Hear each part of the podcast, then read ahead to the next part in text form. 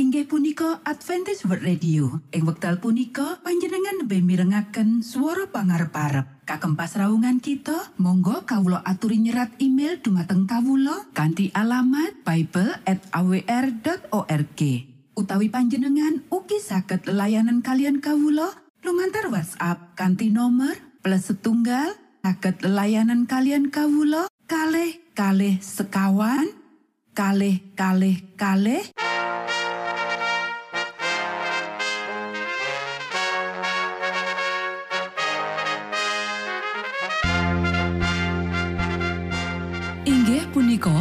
Adventist World Radio ingkang giaran kanti basa Jawi.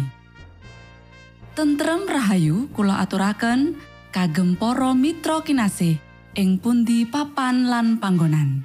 Sugeng pepanggian malih kalian Adventist World Radio. Kanti bingahing manah Kulo badi sesarengan kalian poro mitra kinasi. Lumantar saperangan adicara ingkang sampun rinonci. Mligi kagem panjenengan sami. Mugi giaran punika saged migunani tuwin dados berkah kagem kita sedoyo. Sugeng midhangetaken Gusti amberkahi.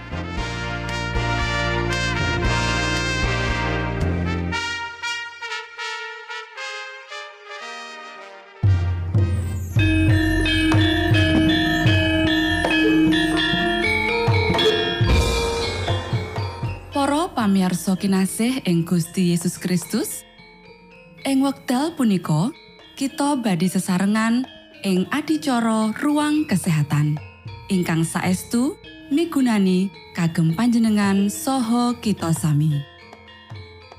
Tips utawi pitedah ingkang dipun aturaken ing program punika tetales dawuhipun Gusti ingkang dipunnyatakaken ing kitab suci. Semanten ugi sakehing seratan ingkang dipun wangsitaken dening Gusti Allah. Nanging saderengipun, monggo kita sami midhangetaken kidung pujian.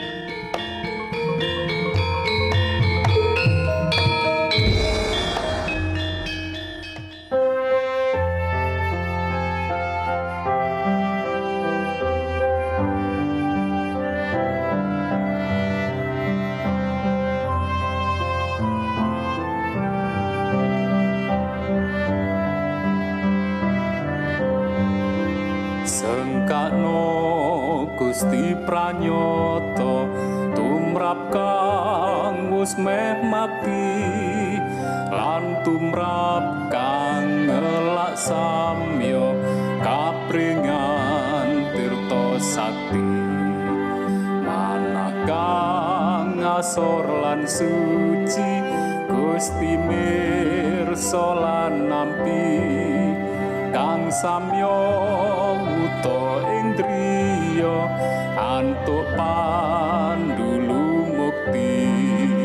sengkakno asmeng pamarto ing ajenging projalmi. Sinupre mratobat samyo dados wargane Gusti. Sengkakno Gusti pranyata juru wilujeng calmi Gusti kapinanggih tumrap ingkang matosi kata tiang saking sami ngupati mreh basuki. Kanging wuni nulak sehnya sami marek mring Gusti. Sengkakno asmeng pamarto ing ajenging projalmi. Sinupre mratobat samyo dados wargane Gusti. Sengkakno lan winartano putreng Allah kang suci. Gusti panebus manungsa tan wonten kang nandingi sampun rujatu sojalmi de korban nyokang ati saoso puji gustinyo juruwi lujeng jati. Sengkakno asmeng pamarto ing ajenging projalmi sinupre mratobat samyo dados wargane Gusti. Sengkakno lan winartano putreng Allah kang suci Gusti panebus manungso tan wonten sampun rujatuh sojalmi dikurban yo kang ati saoso puji gustinyo juru wilujeng jati. Sengkakno asmeng pamarto ing ajenging projalmi sinupre mratobat samyo dados wargane Gusti.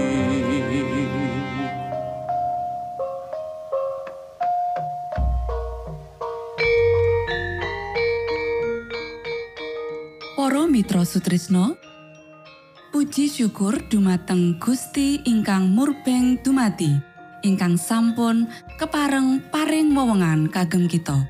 Satemah saged nglajengaken ruang kesehatan.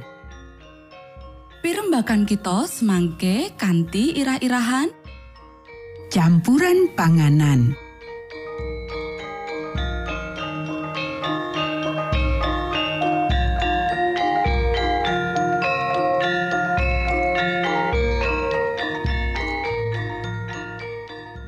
Dumateng para pamiarsa ingkang dahat kinurmatan sugeng pepanggihan malih kalian kula Isti Kurnaidi ing adicara ruang kesehatan ing dinten punika kanthi irah-irahan campuran panganan Para sedherek ingkang kinasih pangerten ngenani cara nyampurake panganan ya iku aji banget lan iku ditampa dadi kawicaksanan saka Gusti Allah.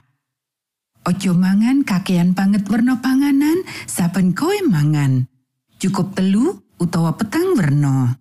Kowe bisa ngganteni iku ing wektu mangan sabanjure. Juru masak kudu ngutamakake kuasa pikirane kanggo nyediakake panganan gonta-ganti. Ojo dipeksa weteng iku nampa panganan sing padha terus-terusan. Para sederek, ojo banget kekakean werna panganan saben kowe mangan. Nanging panganan saben dina aja mung kalatekake saka panganan sing padha tanpa gonta-ganti. Panganan kudu dicawesake kanthi cara sing prasaja. Nanging rasa sing ngundang selera aja nganti dilirwakake. Atau luwih becik menawa kita mung mangan loro utawa telu werna panganan saben mangan ketimbang ngisi weteng kanthi maneka warna jenis panganan. Akeh wong nandang loro amarga pemanjaan selerane. Mangkono akeh werna panganan sing dilebokake menyang jero weteng nganti dumati fermentasi. Kahanan iki bakal nimbulake leloro akut, banjur pepati asring nyusul. Para sederek, akeh macam panganan sing dipangan saben mangan bakal nyebabake rasa ora nyaman lan bakal ngrusak sari panganan iku dhewe. Pakulinan iki bakal nyebabake kasangsaran sing ora ana pedote lan kadang kala pepati. Para sederek, menawa kowe sawijining juru karya sing akeh lungguh, ngenekno olahraga saben dina. Saben mangan, juwuka loro utawa telung werna panganan sing prasaja. Aja luwih saka iku senadyan kowe isih durung rumangsa marem. Gangguan bakal muncul amarga kombinasi panganan sing kurang pas. Fermentasi bakal tumati, getih bakal kacemarake lan otak bakal kacau. Pakulinan mangan kakean banget utawa mangan akeh banget werna panganan sakjroning mangan ping pisan biasane bakal nyebabake lara weteng kurang nyerno. Alat pencernaan iku ngalami kerusakan serius. Weteng iku mbrontak kanthi muspro lan ngirim warta menyang otak supaya netimbangake masalah sebab akibat. Keluwihan jumlah panganan sing dipangan lan kombinasi sing ora pas bakal ngrusak pakaryan pencernaan. Tondo amaran tadi muspro banjur kasangsaran nyusul nganti leloro nggantekake kesehatan. Para sederek, masalah liyane ya iku kangelan amarga kurang nyerna lan akibate ya iku kesehatan sing keganggu lan kerja sing ora efisien. Ora mungkin kanggo otak kanggo nindakake pakaryane kanthi becik sawetara kuasa pencernaan dilirwakake. Akeh wong mangan karo kesusu panganan sing akeh wernane. Iki bakal nimbulake peperangan ing sakjroning weteng nganti otak dadi kacau. Para sederek, ora becik kanggo mangan maneka werna panganan ing mangan ping pisan. Menawa woh-wohan lan roti digabung karo maneka warna panganan liyane ing ping pisan mangan, apa sing kita bisa arep-arep kejaba gangguan sakjroning weteng? Akeh wong mangan cepet banget. sing liya mangan panganan sing ora cocok. Saumpamane dheweke gelem mikirake kepiye dheweke nyiksa jiwa nalika nyusahake wetenge lan saipo jerone Sang Kristus kainakake amarga nyalahgunakake weteng. Mula dheweke bakal wani nyingkur diri lan menehi weteng iku wewengan mulihake kesehatane.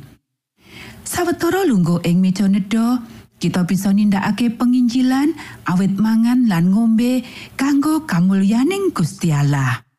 Para sederek, kita kudu ngrumat alat pencernaan. Ojo meksa iku kanthi maneka warna panganan sakjane ping pisan mangan, ateges dheweke nglarani awake dhewe. Ya iku penting kanggo kita mangan sing cocok karo diri kita. Weteng ora duweni lawang, sing kanthi iku kita bisa ndeleng apa sing dumati ing jero. Kanthi mangkono, kita kudu nggunakake pikiran kita lan netimbangake masalah sebab akibat. Menawa kue rumangsa kabeh wis dilakokake nanging kabeh katoni salah, mbok menawa iki dumati amarga kue sengsara awit sebab mangan kekakean jinis panganan. Alat pencernaan nyekel peranan penting sakjroning nyokong kabagian sakjroning urip kita. Gusti Allah wis maringi kewasisan kanggo kita kanggo milih panganan opo sing kudu kita pangan. Jejer dadi pria lan wanita sing pekaroso, kita perlu nyinaoni opo panganan kita iku cocok utawa iku bakal nggawa kasusahan. Wong sing duweni weteng sing asam, asring duweni perangi sing ora becik. Katone kabeh samu barang kosok balen marang dheweke nganti dheweke condong dadi cerewet lan gampang kesinggung.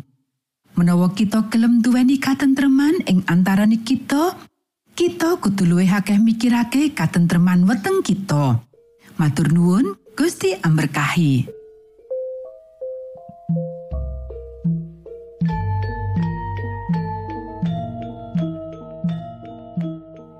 Cekap semanten pimbakan ruang kesehatan ing episode dinten punika.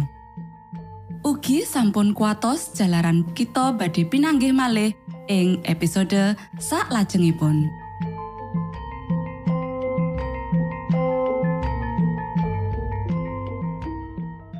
Inggih punika adicara ruang kesehatan. Menawi panjenengan gadah pitakenan utawi ngersakaken katrangan ingkang langkung, Monggo kulo aturi. Kinton email dateng alamat ejcawr@ gmail.com utawi lumantar WhatsApp kanti nomor 025 pitu 00 songo songo papat 00 pitu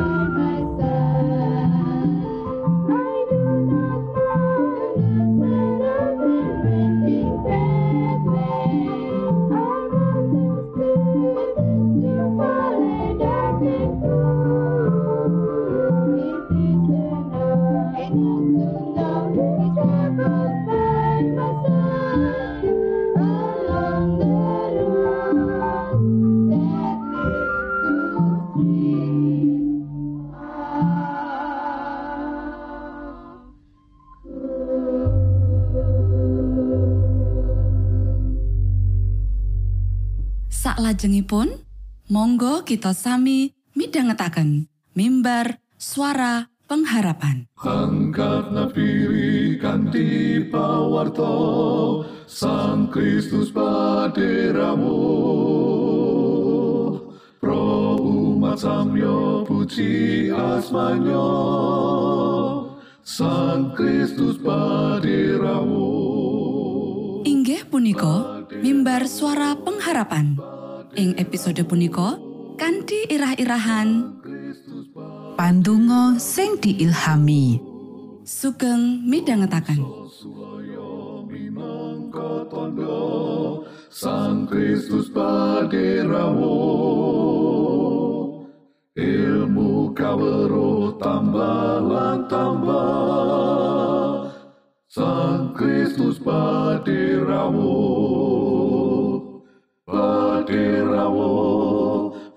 Paderamu Sang Kristus paderamu Shalom para pamiarsa ingkang kinasih wonten ing Gusti.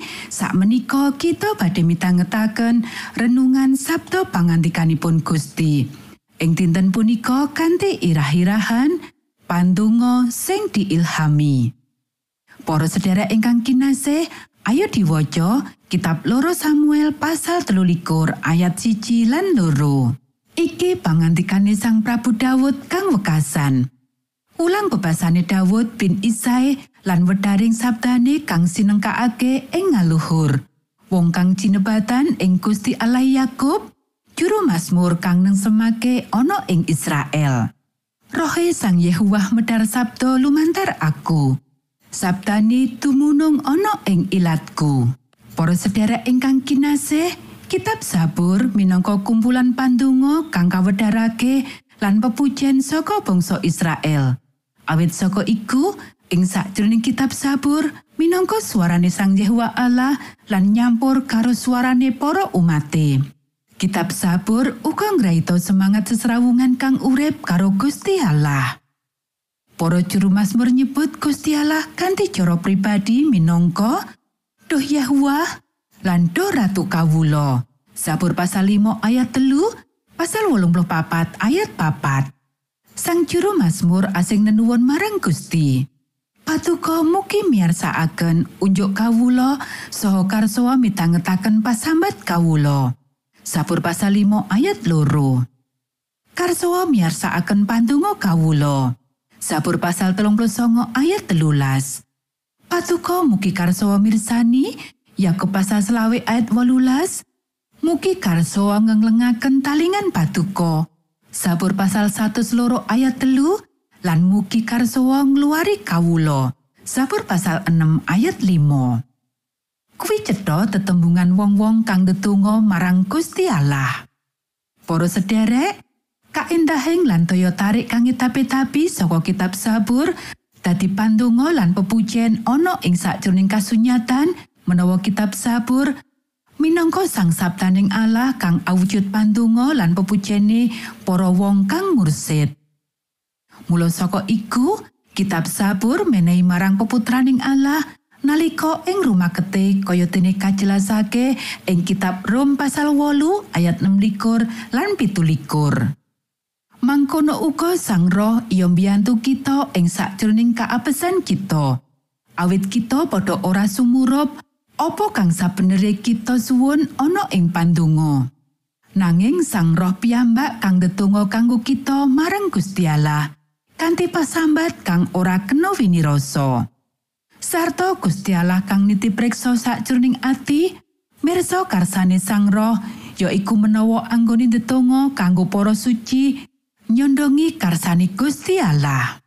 Para sederek, Gusti Yesus uga ngutip saka surasane kitab Sabur kaya dene ing kitab Lukas pasal 20 ayat petang puluh loro nganti petang puluh telu.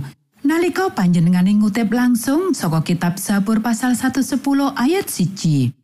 Sabab Sang Prabu Daud piyambak ngendika ing kitab Sabur. Pangandikanipun Pangeran Yehuwa dhateng Gusti kawula mekaten. Sira lenggao ana ing tengening sun nganti tumeka musuh hira. Para sederek, senadyan ana saperangan kitab sabur kang muncul saka utawa cunduk marang prastawa sejarah tertentu lan pengalamane cara juru Mazmur dhewe sarta pengalamane bangsa Israel, ambane spiritual kitab sabur kuwi ngentikan bab maneka warna kahanan panguripan lan ngliwati sakabehing budaya, watesan agama, suku lan jinis wong. Ing tembung liya, nalika kita maca kitab sabur, kita bakal nemokake iku nuduhake bab pengarep-arep, pepujen, keweden, nesu, panalongso, kasusahan, lan lelayu. Bab kang diadepi dening para manungsa kabeh ning ngendi papan patunungane ing saben jaman, apa wae kahanane. Mazmur ngendika marang kita kabeh sakjroning basa pangalaman kita dhewe. Monggo kita sami ndedonga. Duh Rama kawula ingkang wonten ing swarga, asma patuko mugi kasucikaken. Kraton patuko mugi rawuh, karso patuko mugi kalampahan wonten ing bumi kados dene wonten ing swarga. Kawula mugi kaparingan rejeki kawula sak cekapipun ing dinten punika. So patuko mugi ngapunten kalepatan kawula kados dene kawula inggih ngapunteni tetiang ingkang kalepatan dateng kawula. Punapa dene kawula mugi sampun ngantos katandukaken dateng ing panggoda nanging mugi sami patuko uwalaken saking piawon. Awit dene patuko ingkang kagungan kraton saha wisesa kamulyan salami laminipun. Amin.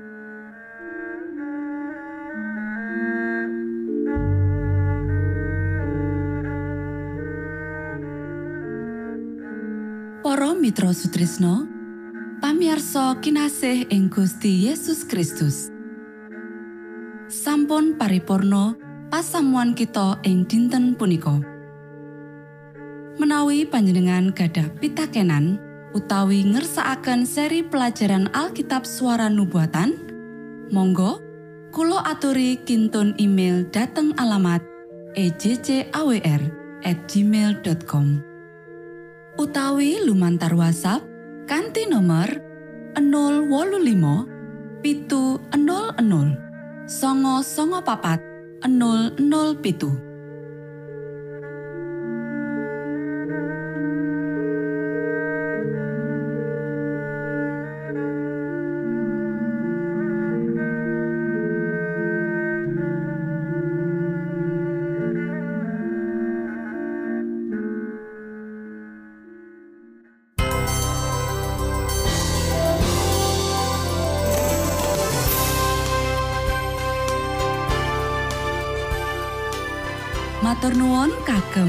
kagem wektalipun kita badhe pinanggih malih ing gelombang ugi wekdal ingkang sami.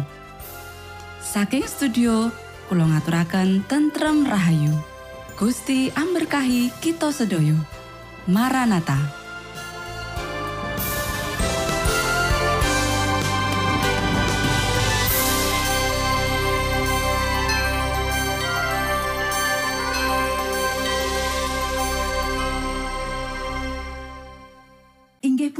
Adventist World Radio. Ing wekdal punika panjenengan lebih mirengaken swara pangarep-arep. Kagem pasraungan kita, monggo kawula aturi nyerat email dumateng kawula kanthi alamat bible@awr.org.